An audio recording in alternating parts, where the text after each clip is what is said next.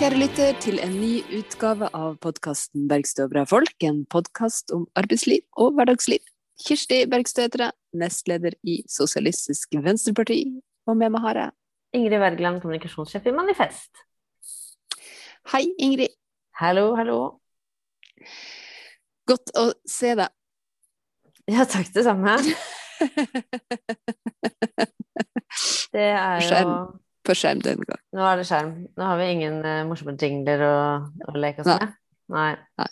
Og hva, hva mener folket? Det får vi kanskje aldri vite.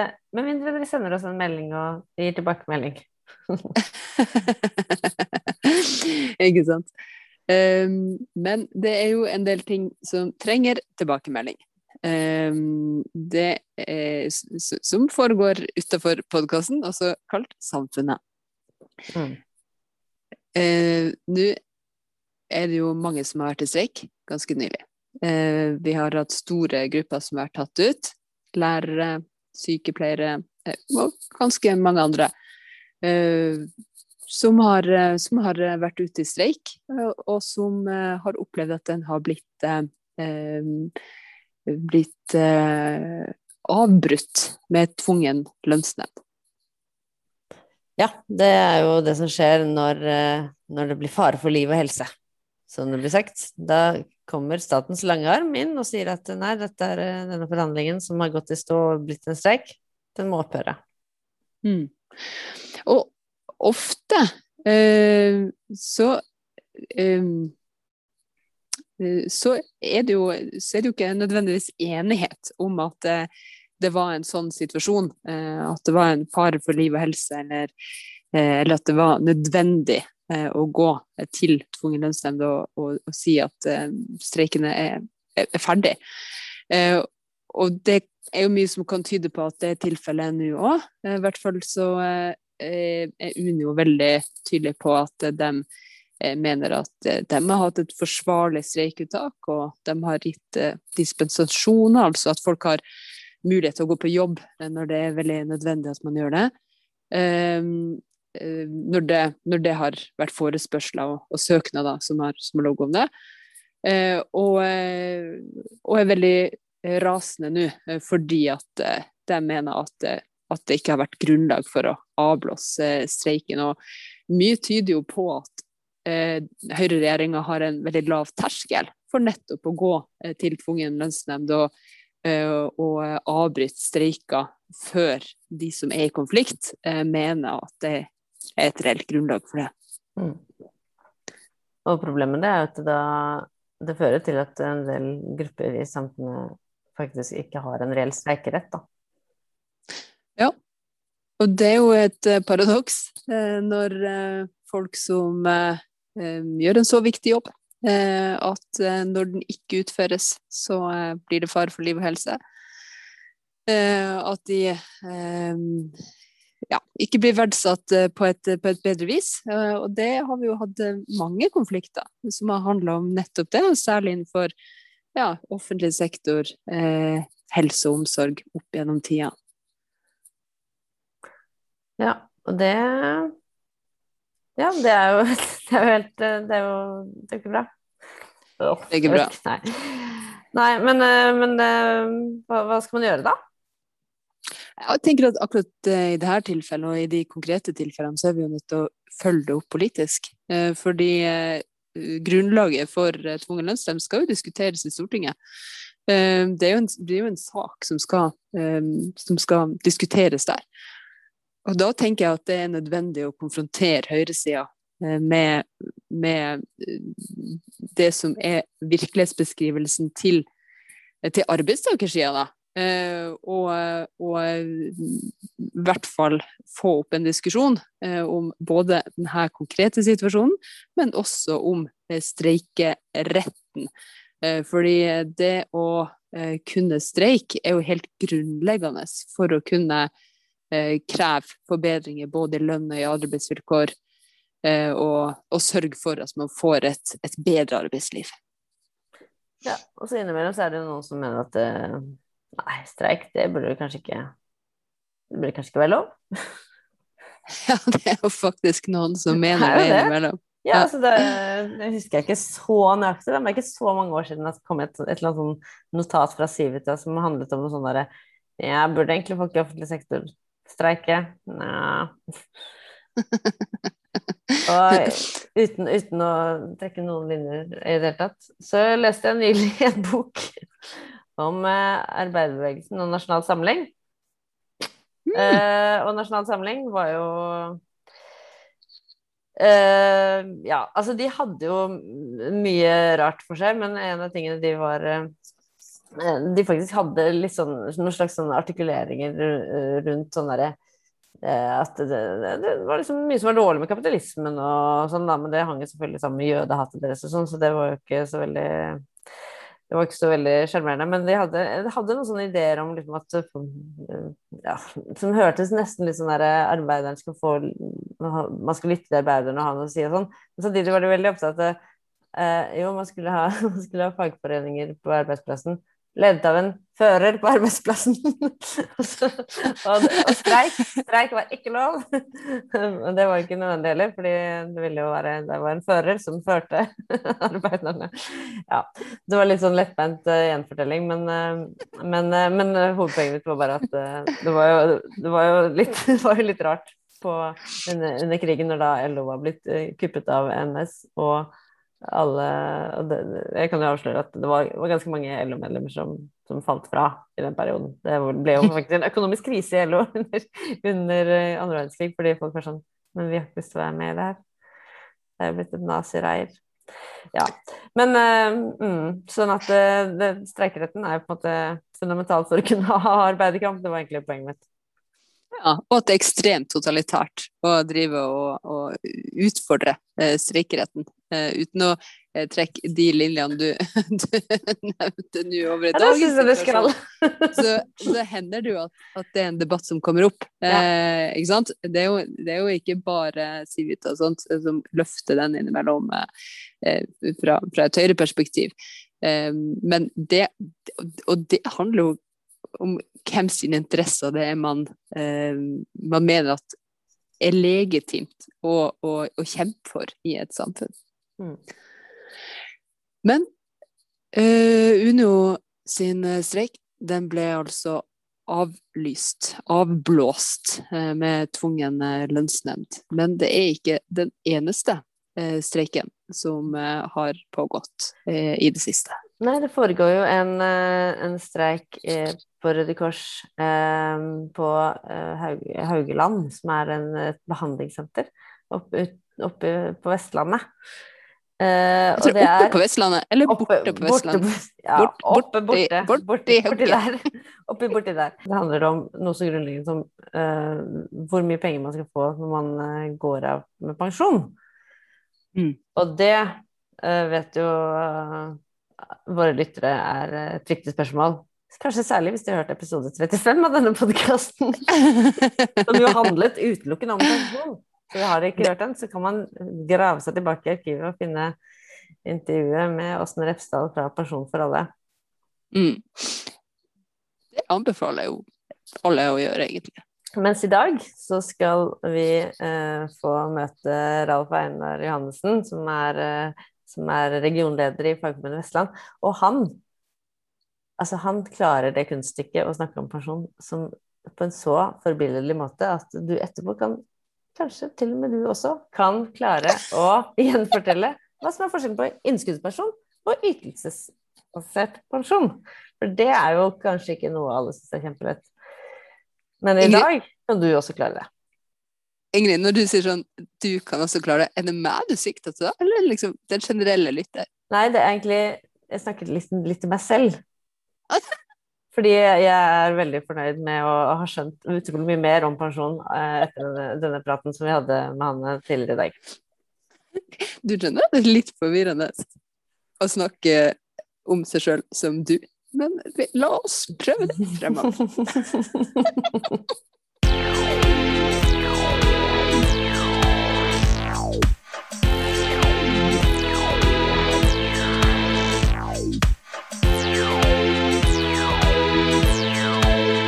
Hjertelig velkommen til Rolf Einar Johannessen, regionleder i Fagforbundet Vestland.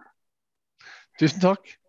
Veldig hyggelig å ha deg med. Du skal eh, hjelpe lytterne våre til å eh, forstå grunnlaget for eh, den streiken som pågår nå. Eh, så det eh, vi lurte litt på, var om du kunne starte med å fortelle eh, hva er situasjonen? Ja, hva som er situasjonen akkurat nå, er jo at vi på Røde Kors Haugland rehabiliteringssenter i, på Flekke i Dali i, i Fjala kommune, så, så, har vi syv medlemmer som er ute i streik på nå snart på tredje uken, tenker jeg.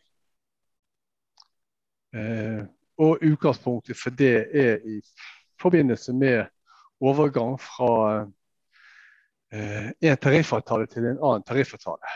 Og da særlig knyttet opp mot eh, framtidig pensjonsordning. Der er det sånn at arbeidsgiver har foreslått at man skal bytte tariffavtale? Ja, altså arbeidsgiver eh, har eh, gjorde i ja, våren 2018 så gikk de ut av KS-bedrifter eller samfunnsbedriftene og meldte seg inn i eh, Spekter, arbeidsgiverforening Spekter. Eh, og så eh, går man da over på, på tariffavtaler knyttet til til Spekterområdet. Eh, og så vil det da være forhandlinger, overgangsforhandlinger rundt bl.a. det med pensjon. De ulike tariffavtalene kan ha ulike bestemmelser, og ikke bestemmelser i det hele tatt rundt, rundt f.eks. det med pensjon og, og forhandlingsrett osv. Så, videre. så det er utgangspunktet for der vi er kommet i dag. Hva tror du er bakgrunnen for at uh, arbeidsgiversida eh, melder overgang eller melder seg inn i, i, eh, i en annen forening? Jeg kan ikke eh, spekulere kanskje i akkurat i forhold til, til Hauglandsenteret, men, men vi, vi, har vel en eh, vi ser vel i forhold til dagens arbeidsliv at det er større bevegelser rundt eh, skifte av eh, organisasjoner også på arbeidsgiversiden. Og dette er jo et en institusjon, da, eh, et rehabiliteringssenter som, eh, som bl.a. Eh, leverer inn og har oppdrag innenfor fra helsevesenet og fra Helse Vest. ikke sant? Så, og Hvis denne typen organisasjoner skal konkurrere med kommersielle virksomheter, så, så handler det selvsagt om å rigge seg også økonomisk til å kunne være med og få oppdrag. Så, så, så det kan jo være et element i at det er i hvert fall vår erfaring at det, det er det. Eh? Mm, at det er en trend som, som, dere ser? Ja, vi har nok sett det flere steder. Og så er det jo, er det jo ofte sånn at, eh, at eh, sånn får man til noe et sted, så, så vil jo smitteeffekten også være der da.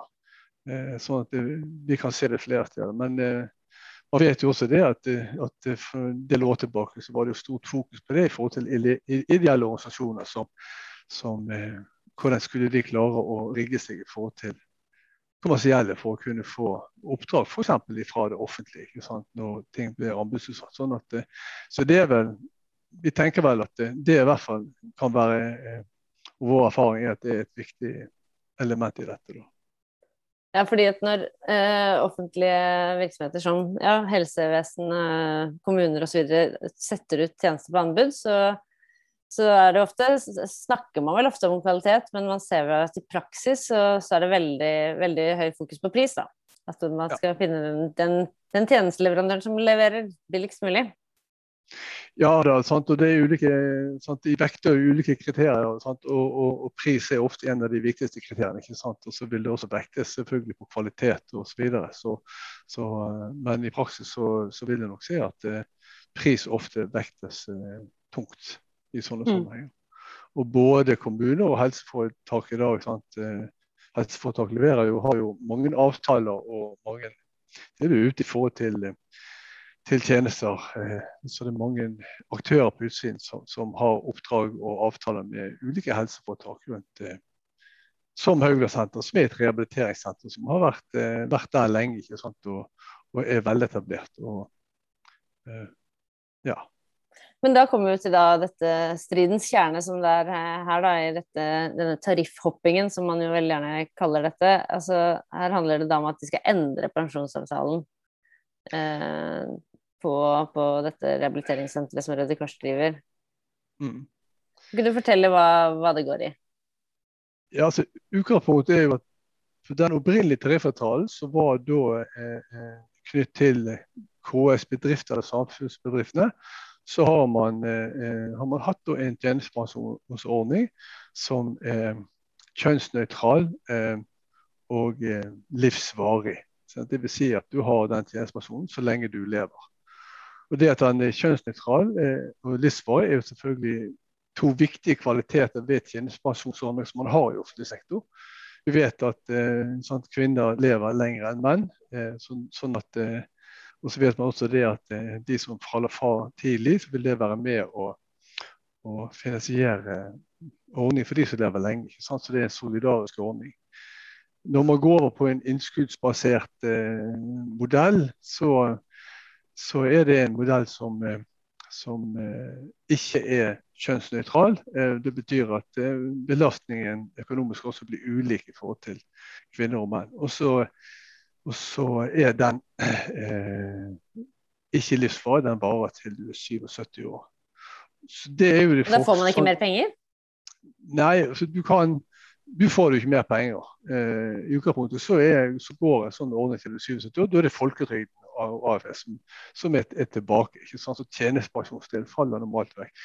Hvis du strekker, skulle, skulle, på et eller annet vis få en avtale som strekker seg lengre, så, så, ikke, så vil jo summen du får hver måned bli lavere. ikke sant? Altså, du har på en måte, men, men det er ti år som, så, som er utgangspunktet her. Og så er det jo også en viktig bit det er jo det at eh, i, i forbindelse med den overgangen så, så er det jo viktig for fagbevegelsen og for Fagforbundet å ha forhandlingsrett på operasjon. Det har man jo i dag det har man innenfor KS-området. Det har man ikke i, i forbindelse med, med, dette. Så det med forhandlingsrett også er en viktig side av dette. Det er to ganske gode begreper her som du bruker, nemlig at en pensjon skal være livsvarig, livsvarig og mm. kjønnsnøytral. Eh, for meg så høres det på en måte det liksom ganske sånn ut som på en måte hele ideen med pensjon. Altså man, etter å ha jobbet, så går man av med pensjon, og da får man eh, pensjon. Og så det, ligger det en, en grunnleggende rettferdighet at den er nøytral og lik uavhengig av kjønn. Men, men, eh, men, hvis du bare kan forklare det en gang til hvorfor det blir så annerledes for menn og kvinner eh, med denne eh, innskuddsbaserte pensjonen. Ja, det, det, handler jo eh, sant? I dag så eh, Det handler jo om at kvinner lever lenger enn menn. Og gjennomsnittlig levealder både for kvinner og menn er jo langt forbi 77 år. Sant? Det er jo for kvinner jeg husker ikke om det er 85 år, 86 år som er gjennomsnittlig levealder. I, i, og sånn, Hvis du tar det sånn eh, i teorien så betyr det at eh, hvis det er tjenestepensjonsordning, eh, da slutter når du er 77 år og du lever i ni år til, så, altså ikke, så, betyr det et inntektstap eh, på de ni årene som er ganske betydelig i forhold til den ordningen du har i dag. Eh, det er et viktig element. Så er det også sånn at sånn den tjenestepensjonsordningen man har i offentlig sektor, da, vil si en ting er at den er kjønnsnøytral og livsvarig, men det også er solidarisk. Ikke? Det skiller ikke mellom akkurat det. Det betyr jo i praksis når du skiller det, så vil den også koste mer for det er mer utgifter på, på kvinner, på si sånn, for de lever lenger. Så, så, det er jo så det er den ordningen man går ifra, som har vært sånn som du sier, som du tenker er naturlig. Sant? Eh, men eh, eh, det er det ikke. For de blir jo mye mer individuelle eh, Eller det blir jo mye mer individuell måte å tenke på, da. Jeg tenker Hvis du f.eks. Eh, tegner forsikring på bil, så er det jo høyere forsikring hvis du er en ung mann, fordi det er større sjanse for at du som ung mann krasjer den bilen. Ja. og sånn.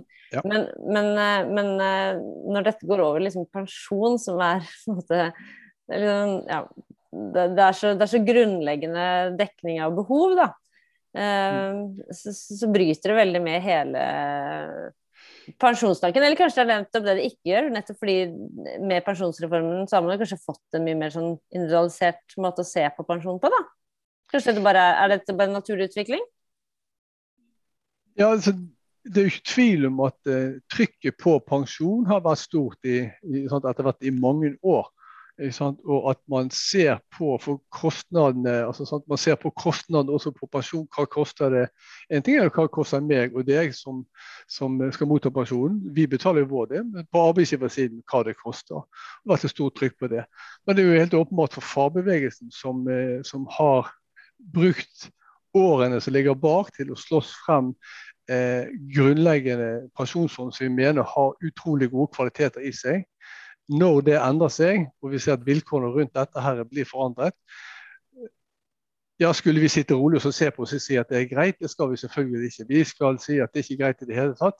Vi skal selvfølgelig slåss for at uh, den viktige kvaliteten som ikke gjør forskjell på folk, og som sikrer en livsvarig pensjon, det er klart at vi skal, uh, vi skal gjøre det vi kan for at det blir resultatet. Også på Hauglandsenteret. For de som er der i dag, de, ikke minst for de som kommer etterpå at de har en bærekraftig eh, pensjonsordning. Eh, kjønnsnøytral og livsfarlig. Utrolig viktig kamp. og Derfor så, så sier vi jo det at eh, det er kanskje Norges minste streik, men det er kanskje Norges viktigste streik, fordi at den handler mer om akkurat de syv, mer akkurat i dag. Det handler om de, og det handler om de som kommer etter eh, på Hauglandssenteret, men ikke minst på andre virksomheter i dagene fremover. Ja, for det har jo Fagforbundet lagt veldig stor vekt på når dere har eh, snakka om eh, streiken. Eh, at det her er få som tar en kamp på vegne av veldig, veldig mange. Eh, kan du si litt mer om det? Om hva, hva eh, eh hvem er det denne kampen tas på, på vegne av? Og hva, hvem er det som, som vil bli, bli omfatta av seier i denne konflikten? Altså, det er jo en, en, en, virksomhet som blir omfattet av en tariffavtale, så vil jo det gjelde alle ansatte i virksomheten. Om man er organisert eller ikke. Eh, så, så, Det er jo det ene aspektet ved dette, at, at eh, det, vil gjelde, det, vil gjelde, alle. Eh, så, som, eh, og så er det jo også sånn at eh, eh, og Det ser vi jo i en del andre sammenhenger på en del andre områder. ikke sant, også at Hvis en, hvis en Eh, du får en, på en måte en smitteeffekt og overføringsverdi. Sant? Eh, hvis vi vinner eller taper, så har det betydning også i forhold til hva vurderinger andre virksomheter gjør. Derfor så, så, tenker vi at dette er viktig også fordi at eh, vi tenker at andre også vil eh, gjøre dette her. her? Og så har det jo over mange år eh, forbindelse med pensjon og eh, Eh, forhandler rundt dette, her, så har jo en sett det at det er mange som har byttet, eh, og byttet både pensjonsordning og tilknytning til, til de ulike hovedorganisasjonene innenfor arbeidsgiversiden. Og så finnes det jo en, en modell for pensjon som, som, er en hybridpensjon, som Spekter har på mange av sine områder, som er, har de samme elementene som den offentlige tjenestepensjonsordning. Den er kjønnsnøytral og livsfarlig. Sant? Og koster koster ikke mye mer for arbeidsgiver, og sikrer på en måte de viktige kvalitetene ved, ved Det er den vi slåss for. Har det vært lignende konflikter andre plasser som du vil eh, trekke frem? Ikke som jeg nå kan, eh, kan ta på, på, stående fot. Altså, jeg vet at uh, vi har hatt, uh, jeg har vært i diskusjoner tidligere rundt, uh, rundt tilknytning til ulike eh, eh, hovedsammenslutninger i forbindelse med tariffavtale og pensjonsordninger, der vi har klart å, eh, å beholde det f.eks. innenfor en hybridpensjon, innenfor, eh, som, som, er den modellen vi snakker om her. Sånn at, eh, men jeg har ikke personlig eh, på samme måte, men Fagforbundet har nok erfaringer på det på andre steder. For dette er jo ikke dette er er på en måte noe med tiden vi lever i også. Der, er, der er stor bevegelse og stor fokus på dette her. her og uh, mye rundt det med, med, å kunne rigge seg for å delta i konkurranse for å skaffe oppdrag og inntekter til en, en, god virksomhet, er blitt viktig. Og da er det sånne ting man ser på. Så nå ble det jo, du, du ble også introdusert med det at du er jo regionleder for Fagforbundet Vestland. Du jobber jo ikke på, eh, på Røde Kors-senteret på Haugland, men, eh, men, eh, du har jo vært der mye og snakket med de som jobber der. Kan du si litt om hvordan de opplever situasjonen? Nei, Vi opplever jo at for de som står i streiken, er, er, er positive til det og ser, ser betydningen av det. Det er klart at det, det er spesielt, det er jo en stor virksomhet i en, i, i, i en, en liten kommune og bygd. ikke sant? Så, så, det er jo mye oppmerksomhet rundt dette her. Men jeg opplever at de, de, de står i kampen og tar, tar det hva si, tar den, både den kampen og det krafttaket for seg selv, for de som kommer etter seg, eh, og eventuelt også i forhold til, til andre. Så, så det jeg eh, opplever at det er stor forståelse og stort engasjement rundt det. Så og så uh, gjør vi jo selvfølgelig det vi, vi, vi kan sammen med dem for, for, å, for å ja, skape både holde oppe motivasjonen og ikke minst skape oppmerksomhet rundt dette her. Og, og, um, og mange som, som, er positive, som har gitt støtteerklæring til streiken. Absolutt. Det er jo store summer. Mm. Ja. Det er store, det er, det er store summer ikke sant? Med, med utgangspunkt i det som jeg sa tidligere her, i forhold til eh, bare den til du er 77 år. Eh, sant? Bare den livet ut, og du lever til du er 87, så er det ti år. Og da er det klart at da er du oppe i de summene der. Eh, og det har selvfølgelig hatt betydning i forhold til å ha en eh, verdig og god alderdom, ikke sant? som også gjør det eh, greit for deg økonomisk å eh, leve det livet du ønsker deg også i etter at du går ut av arbeidslivet. Så, så, så det har stor betydning. Det er en viktig sak eh, prinsipielt. Det er ikke tvil om det.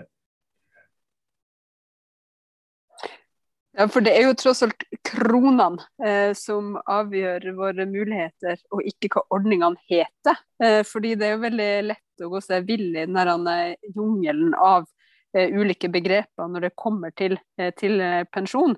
Eh, mens det er veldig få regnestykker som viser eh, hvordan eh, ser det ut for oss ja. når vi har gått ut av arbeidslivet, forhåpentligvis som alderspensjonister og ikke som, som ufør.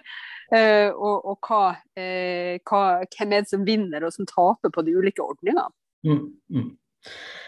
Det er helt sant, og jeg skal, ikke, jeg skal ikke prøve meg på å være regneeksperten her. Vi har heldigvis gode folk på det. At, men det er noe med å kunne klare det å konkretisere det og tydeliggjøre. Det er ganske viktig. og Da er den måten eh, sant, å gjøre det på, å konkretisere det i tall, eh, en god måte å, å synliggjøre at det er faktisk forskjeller, forskjell, og det betyr noen ting for den enkelte hvilken ordning du er på. Eh, for alternativet da, hvis du havner på en dårligere ordning, som, sant, det er jo det at du, du må vurdere å supplere med egne midler i forhold til å tegne private avtaler. Sant? Det er da det er godt å ha en, en solid fagforening i, i ryggen. fordi uh, vi ser jo at løssalgsavisene bruker jo ganske mange oppslag på pensjon, fordi folk er jo eh, veldig veldig forvirra. Og det er jo oppslag eh, i hvert fall eh, hver annen uke om slik sikrer du alderdommen og dette er pensjonsordningen for deg osv. Fordi det er jo det er en sånn blanding av en enorm forvirring og frykt og ikke minst slags forbrukerjournalistikk individualisert opp i mente, liksom. Sånn at det, det at fagforeningene står på for for det du kalte solidariske, livsvarige og kjønnsnøytrale eh, pensjonsordninger, det, det, er jo betryggende. Ja. ja. Mm. Men det er rett som du sier. Det, det, er, du kan, eh, det skrives mye, det snakkes mye. Eh, og det er lett å gå seg vill i dette her. Og så er det noe med å tydeliggjøre de ulike ordningene. For det er klart at vi har jo Vi har jo når du har fått anledning til å være i arbeidslivet hele tiden og betalt inn din andel, så regner du med at du får det du skal. Altså, sånn vi har en stor tillit til at vi får da korrekt og til å, å klare oss med. Sant? Og Da er i hvert fall eh, de ulike ordningene, hvordan de er rigget, hva det betyr, utrolig viktig informasjon. og Kan du gjøre den konkret eh, og praktisk tilgjengelig for folk, så, så, er det mye lettere å, å holde seg til. Det, det er klart at eh, pensjon kan eh, når man går inn i det, kan oppleves krevende for, for, de fleste av oss å finne ut av. Mm. Det er jo litt vanskelig hvis man driver på med sånne kalkulatorer. Hva blir pensjonen din og sånn.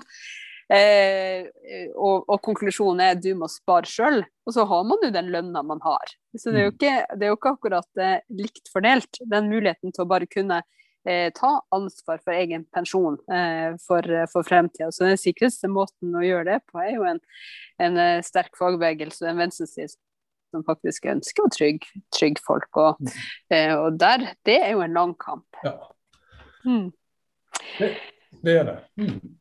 Men nå har vi jo snakka om eh, pensjon, og det er jo ganske langt unna eh, det som er vårt faste spørsmål eh, i denne podkasten. For det handler jo nemlig helt om starten. Nemlig Din aller første jobb. Vil du fortelle oss om det, Ralf Einar? Hva var din aller første jobb? Ja, det kan jeg fortelle. Eh, eh, min aller første jobb der jeg eh, kunne heve den gangen en gjennomsnittlig lønningspose med hundrelapp og ti kroner og småpenger i, det var en sommerjobb. Eh, som jeg hadde for det som den gang het Bergen Lysverker. Det eksisterer jo ikke lenger, men det het det så flott da.